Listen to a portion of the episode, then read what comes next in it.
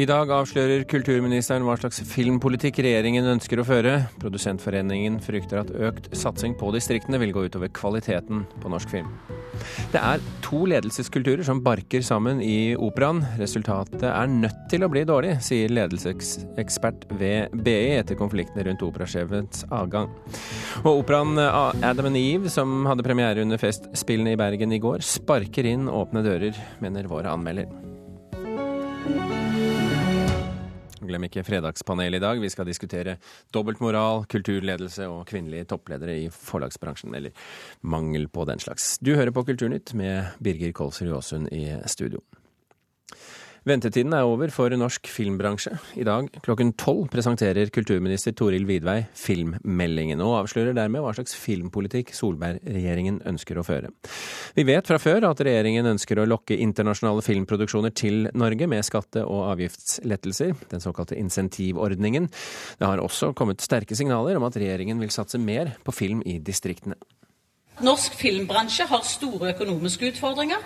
Tre av fire norske filmer de går med underskudd, og halvparten av de har en negativ egenkapital.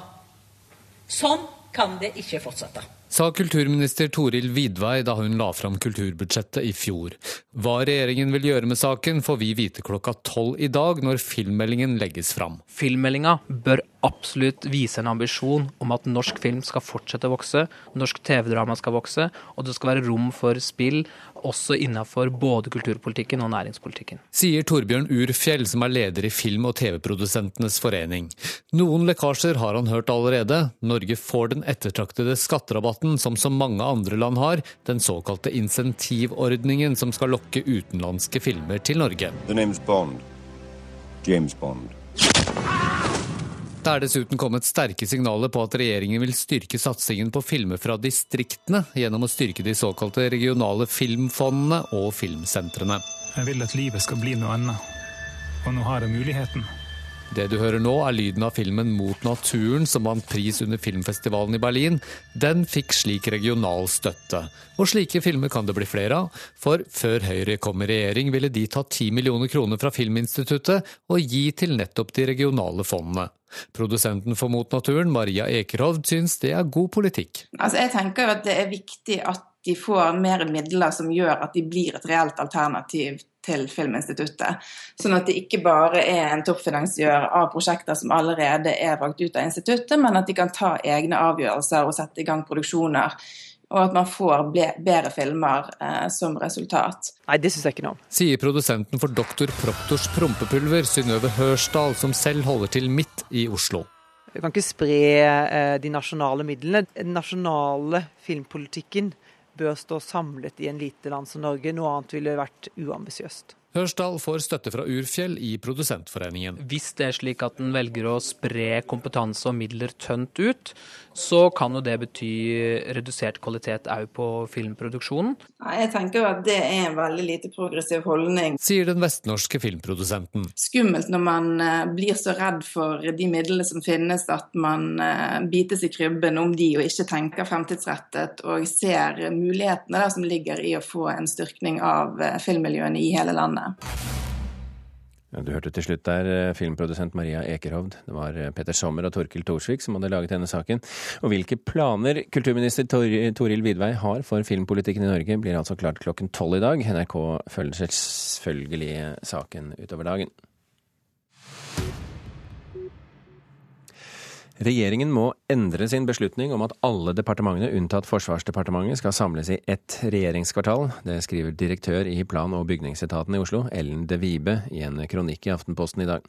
Etaten mener altfor mange kvadratmeter bygningsmasse skal inn på for liten plass, og understreker at byrommene i kvartalet må være tilgjengelige for befolkningen. Morgenbladet har i samarbeid med Norsk litteraturfestival på Lillehammer kåret Norges ti beste forfattere under 35 år. Blant de utvalgte, utvalgte er Agnes Ravatn, Erika Fatland, Erlend O. Nødtvedt og Lars Petter Sveen. Forrige gang det ble gjennomført en lignende kåring var i 2004. Da var det Carl Frode Tiller, Olaug Nilsen og Åsne Seierstad som var blant de utvalgte. Denne uken har norske medier, oss selv inkludert, forsøkt å finne ut nøyaktig hva som har skjedd på Norges dyreste kulturinstitusjon, Den norske opera og ballett. Det vi vet er at operasjef Per Boje Hansen, til tross for stor kunstnerisk suksess, ikke har fått fornyet sitt åremål. I går bekreftet nylig avgått styreleder Ellen Horn til NRK at det er bekymringsmeldinger fra ansatte som ligger bak ledelsens begrunnelse.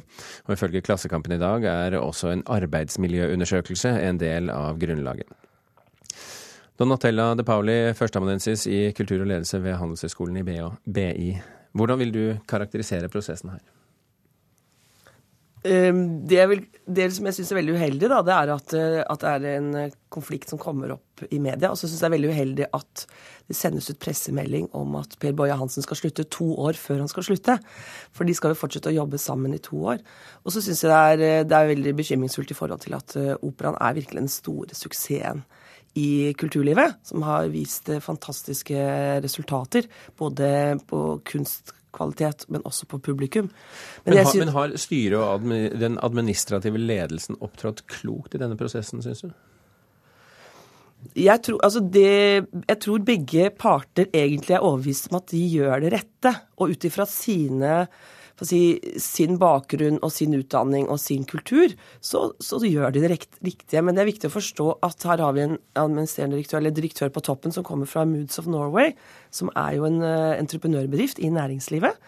Og, og med utdanning innenfor økonomi. Og det som er helt sikkert, er at i næringslivet så har man en helt annen tradisjon for ledelse enn i kunstlivet. Eh, altså Norge som arbeidsland er kanskje det mest demokratiske arbeidslandet i verden. Veldig stor hensyntagen til arbeidstageres eh, rettigheter, eh, sikre et godt miljø, ikke sant. Men hvordan krasjer det med ledelsen til operasjefen? Altså jeg vil si at Det krasjer med det meste av kunstnerisk ledelse både i Norge og utlandet. Fordi at kunsten den eh, lever sitt eget liv. og De kan i hvert fall si mye om kunsten, men de er ikke spesielt opptatt av ledelse som fag. Det er kunst som fag som går foran alt. Og, og det er heller en tradisjon for sterke eh, karismatiske, til tider kanskje tyranniske ledere.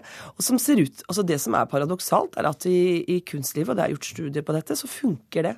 Men skal, skal, man akseptere at kulturledere er lite opptatt av demokratiske prosesser dersom resultatet er høy internasjonal klasse på produktet? Ja, jeg mener at det er en helt, altså jeg mener at det er helt andre hensyn som må ta. og jeg, altså jeg bare viser til det jeg har sett og det jeg har forsket på. Så funker det faktisk med til dels også tyranniske ledd. Det som ikke fungerer, studiet i Finland var uh, der hvor det ikke er følelser. Der hvor du på en måte er det helt flatt. Der hvor man har liksom et sånn harmonisk, koselig miljø.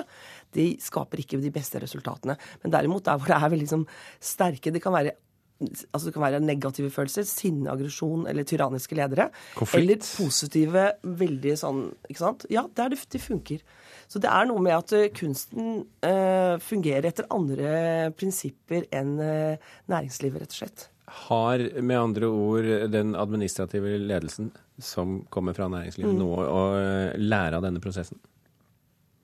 Ja, det tror jeg absolutt. Jeg håper virkelig det. Jeg håper virkelig at denne uoverensstemmelsen blir løst på den beste mulige måten. Og at man, ikke, at man ikke personliggjør den, men at man ser det som resultat av på en måte ledere som kommer fra ulike tradisjoner, og at man kan gå inn konstruktivt, da, rett og slett.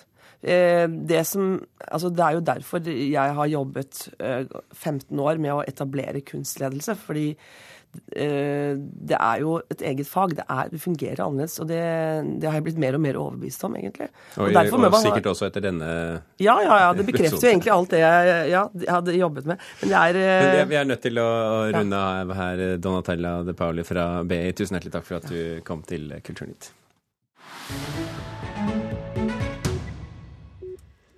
Vi skal over til Festspillene i Bergen. As for those from whom you fear disobedience, as for those from whom as for those from punish them, punish them, punish them and send them to beds apart, and punish them and send them to beds apart and beat them, beat them. Her hører vi fra operaen Adam and Eve, Divine Comedy, som har nådd scenen etter at den ble refusert av Den Norske Opera for fem år siden. Operaen som omhandler vold mot kvinner, og som plasserer selveste Gud på tiltalebenken, ble urfremført i går kveld under Festspillene i Bergen. Musikken er ved Cecilie Ore. Bibi Mosleth har hatt hovedansvaret for teksten, som setter utdrag fra religiøse tekster sammen med menneskerettighetserklæringen og historier fra virkeligheten. Og til stede i losjen i Bergen i går kveld, eh, der hadde vi vår faste operamelder Øystein Sandvik. Eh, det minnet ikke veldig mye om opera, dette her? Nei. Øh, altså jeg opplevde jo denne operaen som en øh, feministisk bredside, kan man si. Som med enkle og utvetydige virkemidler hamret inn budskapet om at verden i stor grad er et patriarkat. At menn undertrykker og utøver vold mot kvinner, og at dette skjer i Guds navn. Eh, men selv om musikken til Cecilie Ore fremstår som eh, direkte og effektfull, og til tross for eh, solid innsats fra både sangere og instrumentalister, fremstår operaen som en litt for enkelt propagandaverk som politisk sett sparker inn åpne dører. Altså Den peker på grusomheter som de aller fleste føler sterk avsky mot, uten å gi særlig nye innsikter og erfaringer, i et litt enkelt og ensformig musikalsk språk uten særlig kontrast og oppbygning. Men hvordan utspiller denne operaen seg, da? Hvordan ser og høres det ut?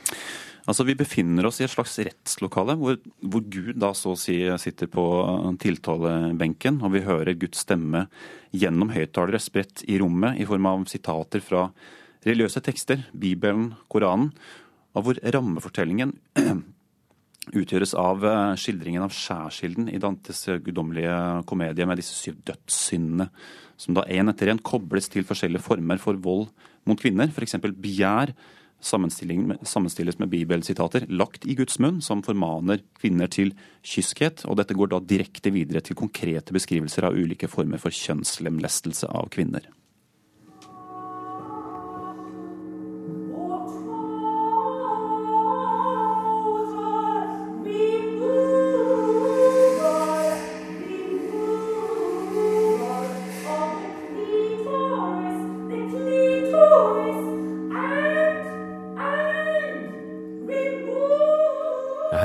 Tora Augestad i rollen som seremonimester Virgilia i Cecilie Ores opera 'Adam and Eve', som vi driver og anmelder akkurat nå.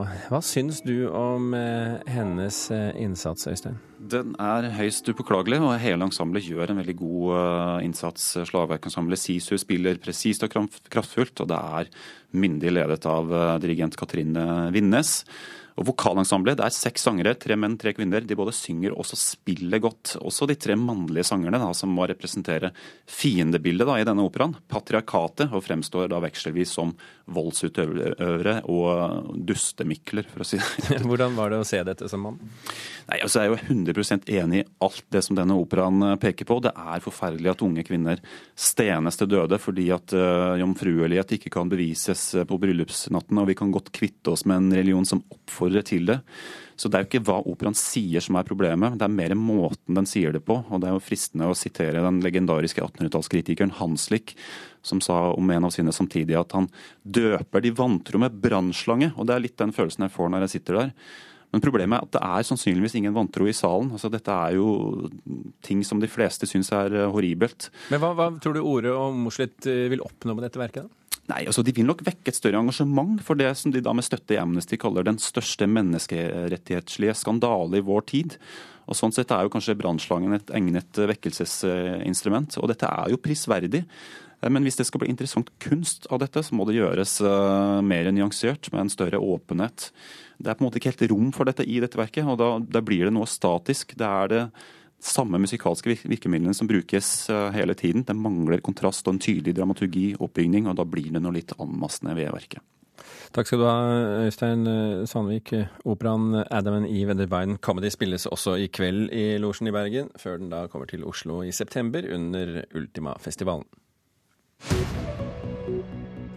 Klokken er drøyt 17 minutter over åtte. Du hører på Kulturnytt, og dette er toppsakene i Nyhetsmorgen nå. Senterpartiets nestleder Ola Borten Moe starter et nytt oljeselskap. Utlendinger kan jobbe i norske barnehager uten krav om politiattest fra hjemlandet, og det er en skjebnedag på Fifa-kongressen. I dag stemmer fotballtoppene ja eller nei til Sepp Blatter. Da har, eh, da har eh, Fredagspanelet vaglet seg, og det er eh, like før alle skal presenteres. Vi kan begynne i Stavanger. Der sitter Solveig Grødem Sandelsson, kultur- og debattredaktør i Stavanger Aftenblad. Velkommen. Takk for det, og god morgen, god morgen. God morgen, god morgen. Her i studio har vi Carl Fredrik Tangen, førstelektor ved Markedshøgskolen, og Ragna Nordenborg, programleder i NRK P13. Velkommen begge to. Takk. God morgen. Skal vi gå rett på sak? Let's do it. Let's do it. Festspillene i Bergen viser i år et stykke fra Fiji som advarer mot oljerelaterte klimaproblemer, samtidig som Statoil er en av hovedsponsorene. Dobbeltmoral ble det sagt i Kulturnytt denne uken, og kritikerne ber festivalen revurdere Statoil som sponsor. Spørsmålet vårt er bør de revurdere Statoil som sponsor, eh, Sandelsson? Nei. Nordenborg? Nei. Tangen? Nei. Nei. Det var da veldig en enighet. Eh, betyr det, Nordenborg, at det ikke fins snev av dobbeltmoralisme her? Da er det jo sånn at vi alle er litt dobbeltmoralister om dagen. Vi vet at Statoil har en litt annen funksjon i samfunnet som det hadde da Norge fant olja og bygde nasjonen. Det er mange kontroverser rundt det, selvsagt. Eh, det er oljesand, det er ting som forurenser helt forferdelig. Vi vet mer om fossilt brennstoff. Alt det der. Men det å lage et kunstnerisk program ha fortsatt Statoil på sponsorlista og kunne utfordre ideer og fortelle om hva som er konsekvensene av bl.a. oljevirksomhet, det, det tror jeg bare egentlig gjør at eh, det kan bli enda mer spennende, og at man skal ha masse slike debatter framover som også tas inn i kunsten. Hvordan ser dette ut fra oljebyen Sandelsson? Fra oljebyen så ser det jo omtrent eh, likt ut, at vi, vi, står til halsen i dobbeltmoral eh, uansett. Så det er mye bedre å holde fram dette dilemmaet med at eh, også kulturlivet i eh, Norge lever i veldig stor grad på oljepenger. Dobbeltmoral er en fin ting, med andre ord? Det er i alle fall mye bedre å holde fram dobbeltmoralen enn å drive en sånn slags eh, symbolgreie med å, å skyve Hvis vi bare slutter å la oss sponse av Statoil, så er det greit. Vi har jo valgt en masse politikere som driver denne oljepolitikken og flytter iskanter så godt de kan. Sånn at det ville faktisk være en avsporing, syns jeg. Og så er det litt sånn som medier, som altså, forholder seg til eiere og til annonsører. og så skal, Som redaksjonsplakaten sier, at det skal, det skal drives selvstendig. Og Jeg syns det er litt ideal, ja, at de får penger der de kan, og så driver den kunstneriske utviklinga litt sånn uavhengig av det. Så jeg tror Poenget er oftere at det ikke helt er sånn, mens idealet bør være at sånn skal det være. Men hva sier du til de da, og dette er jo ikke det eneste eksempelet på at Statoil har vært inne og sponset kulturlivet, hva sier du til de som protesterer da, og nekter å ta imot penger fra Statoil, selv om de kunne fått det? Jeg tror de, de burde stille et krav til, altså, til, sine annonsører om at alle om at de ikke blanda seg inn i, i, i, innholdet. Hvis det hadde liksom vært uh, Røde Kors som sponsa dem. Jeg syns ikke det hadde vært så innmari mye bedre hvis de skulle styre hva som foregikk uh, kunstnerisk. Men det er, vel, det er, vel, ikke det det er snakk om her, at Statoil ennå styrer noen ting? Nei, men så, så, poenget er jo at de skal liksom ikke ha en sponsor som driver med en aktivitet, og så et kunstnerisk innslag som er negativt til det sponsoren uh, driver med. Som, jeg syns f.eks. at Dagens Næringsliv skal skrive negativt om Fred Olsen, selv om han er eieren av avisen. Og så, sånn syns jeg at festivaler skal prøve å ha det. Og så tror jeg at det er veldig mange kunstnere som eh, med god grunn også kan takke nei til direktesponsing av f.eks. Statoil, som jo har blitt gjort opp igjennom eh, Særlig innenfor eh, pop og rock i Norge så er det jo flere band som har sagt nei takk, vi ønsker ikke å stå på en kandidatliste. Og Det er helt greit, og, og, og kjør på med det. Men enig med at du Statoil kan få lov å være inne som sponsorer. Kort kommentar fra Olja. Ja, det er selvfølgelig en, en ærlig sak når det er folk som takker personlig nei og ikke vil bli assosiert eh, med Statoil. Noe helt annet når en svær institusjon som Festspillet i Bergen, som er tunge av oljepenger sjøl, eh, skulle drive altså si nei til Statoil. Det blir tullete, syns jeg. Vi hopper til neste dilemma. Den norske opera og ballett eh, har denne uken fått sterk kritikk fra musikkmiljøet for å ikke la operasjef Per Boje Hansen få en åremålsperiode til. Den internasjonalt anerkjente operaregissøren Stefan Herheim sa dette vet er ikke kunst en eh, sosial, sosialdemokratisk anliggende, og det er ikke alltid like bekvemt i rammen av en større institusjon å følge disse visjonene, men um, det er det det handler om til syvende og sist. Spørsmålet vårt er skal vi tåle å ha sterkere toppledere i kulturbedrifter som produserer på internasjonalt toppnivå? Tangen? Ja. Nordenborg? Ja, har jeg lov å si det? Ja, nei, men OK. Sandelsson?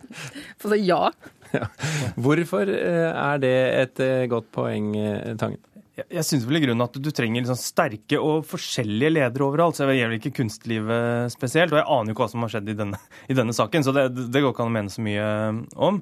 Men at um, når du blir utsatt for medarbeidertilfredshetsundersøkelser og standardløsninger om hvordan bedrifter skal verdiledes, så, så, så, så gjør det litt sånn ledelse og arbeidslivet til liksom, for likt. Så Det tror jeg er negativt både fordi du kan velge litt hvor du vil eh, jobbe, og, fordi, og for hvordan ting blir eh, produsert. Så jeg tror det skal være mye mer å gå på, både hos ledere og hos ansatte. Sandelsson? Jeg, jeg synes jo egentlig altså det, det, verste her er nettopp det som Tangen sa, at vi vet jo ikke hva som egentlig har skjedd. Og hvis Festspillet i Bergen er en tung institusjon, så er jo i alle fall Den Norske Operaen det. Altså her er jo, Det angår folk i hele landet, både kunstnerisk og økonomisk. Så her må den administrative ledelsen i operaen viser en helt, helt annen åpenhet på hva, som, hva for noen vurderinger eh, som ligger bak. De skyver personalhensynet foran seg for å slippe å svare, og det er skammelig, syns jeg. Nå var eh, avgående avtroppende styreleder ute og sa at det har vært bekymringsmeldinger, og de kan jo ikke kommentere hva det er. Men tilbake til spørsmålet. Det er vanskelig fordi vi har en stor kunstnerisk institusjon som er operaen, hvor veldig mange vil bli best, bli sett, stå først fremst på scenen, levere. Og da er jo spørsmålet skal du ha en ledelse som dyrker fryktkultur, eller skal du ha en ledelse som dyrker eh, en raus kultur som bygger opp egoene og dytter dem fram på scenen. Eh, F.eks. Det er jo et valg man kan ta som leder. Eh, jeg vet jo ikke hva han har gjort, men at han er autoritær, det er det ingen tvil om. Og så er det jo hvor autoritær og alt det der, og om det er ulovligheter ute og går. Men, men det å, at han har gjort noe så ekstremt sjelden som å sette Norge på kartet når det gjelder produksjon av ny opera. Det er jo selvfølgelig veldig synd å miste en eh, fyr som har klart å gjøre det. Nå har han to år igjen, da. Han har ikke fått sparken heller. Han har bare ikke forlenget årmålet og tenker at det kan være greit å liksom tenke på. Det er ikke, det er ikke verre enn det heller. Men, men at, at, man må huske på at uh, i kunstneriske bedrifter så, så stiller det seg kanskje annerledes fordi det er så mange som vil være den stjerna. Det, det, tror jeg, og det kan være hardt. Det er et reir, er det det du sier? Ja, det kan være hardt å da ha en sjef som kanskje ikke syns du er aller best. Vi lar det henge der, og så går vi til siste spørsmål i dag. Denne uken fikk Gyldendal-konsernet nemlig ny toppsjef, og som de fleste andre forlagstoppene, så er han en mann. Styreleder Erik Must sier at kvinnene fortsatt mangler erfaring. I og med at eh, kvinnene eh, kanskje startet litt senere, Eh, så har vi ikke fått opp mange nok kvinner som har lang erfaring. Jeg tror kvinnene eh, kommer for fullt. Ja. Kvinnene får eh, større og større tyngde, så jeg sier at det er bare et tidsspørsmål. Sandelsson, er Forlags-Norge et gubbevelde? Ja. Tangen? Ja. Nordenborg. Ja! jeg tror jeg veldig sjelden har sett eh, Nordenborg så blid som når hun hørte dette sitatet. Hva var det du ble så glad for? Det blir så koselig at jeg får tyngre og tyngre hjerne jeg også etter hvert. Som åra går, så virker det som om vi kvinner eh, virkelig kanskje fullt utvikler eh, både begge hjernehalvdelene og klarer å ta ansvar. Det her er jo en Dette er bare beviset på hva gubbeveldet er in persona, vil jeg si. Fordi det handler jo altså om at du med den, med en befolkning som, hvor man kan liksom være i toppen av eh, utdanning i, hele, i hele verden, og det har altså en så kvinnedominert bransje som uh, forlagsbransjen er, så sier han altså at det ikke fins mennesker der uh, som er kvinner, som kunne ha gjort denne jobben. Det er, det er helt utrolig på en måte, og helt normalt når man ser på hvor få toppledere som topper konsernene i Norge generelt. Her, her er jo Gyllendal et spesielt problem, vil jeg tro, for de har en styreleder som er så ekstremt dårlig orientert eh, i sitt eget samfunn. Ehm, det store inntoget av kvinner skjedde på 80-tallet, og hvis en skal bruke et eh, språk som kanskje også Erik Must forstår, så er jo det en mannsalder, eh, sier han. Mm. Han vil jo hevde at vi har La oss bare si for ordens skyld at det er jo ingen kritikk som har kommet mot den mannen de faktisk valgte. Bare så det er sagt. Ja. Og det er jo litt problemet her noen ganger. At Gyldendal får liksom ansvaret på seg for å løse, løse, det hele. Og i den statistikken over hvem det er som er ledere i forlagsbransjen, så ligger det jo at Kagge har liksom starta sitt eget forlag. Fagbokforlag er det to menn som har starta. Så de, de, blir liksom straffa for statistikk som de ikke, ikke helt sjøl eh, kan noe for, bare. De må ha ansvar for sin egen statistikk, syns jeg. De trenger ikke gå til de andre forlagene her. Gyldendal har vel heller ikke hatt en kvinnelig toppsjef noen gang. De kunne jo ja, begynne der. Ja, men altså, de har jo ikke ansvar for å velge en kvinne nå, tenker jeg. Sånn, du, må ha, du, må jo velge den beste hver gang. Du trenger jo lage systemer i bransjen og sånn for å løfte kvinner opp. Må man velge den beste hver gang, Nordenborg, så fremt det er en mann? Jeg tror det er veldig viktig å bare bestemme seg for at nå finner vi den beste, og nå er det en kvinne som er den beste. Og det er eh, helt uproblematisk å finne den beste som er kvinne. Det er alltid mange gode kandidater, så da velger du den med rett kjønn, og det burde vært en kvinne. Sånn, Hvis du er en styreleder som ikke vet at eh, kvinner har vært ute i arbeidslivet en, i en hel generasjon, så er det jo ingen tillit til at de faktisk klarer å finne den beste, uavhengig av kjønn. Men er, vi må ikke utelukke, utelukke heller at uh, Tuv uh, var den beste. Det er jo ikke det Nei, vi sier her. Det. Saken er vel at i, i, hele historien så har de fire store aldri hatt en kvinne. Er det et uh, dårlig tegn, Tangen? Jeg syns absolutt at det er et dårlig tegn. Jeg tror jo Must har rett. Selv om, så Det er jo lett å reagere på det han sier, i at altså, kvinner kommer til å, å, å, å komme opp. Så, det sier men, man med Telenor, man sier det med mange store både statlige konserner og, og private konserner. Må man slutte? Fortsetter, debatten fortsetter, men ikke her. Eh, fredagspanelet er slutt. Eh, tusen hjertelig takk, Ragna Nordenborg, Sandelsson i Stavanger og Tangen her. Eh, Andrea Kvamma Hagen, Hilde Tosterud og Birger Kolsrud Aasund takker for følget.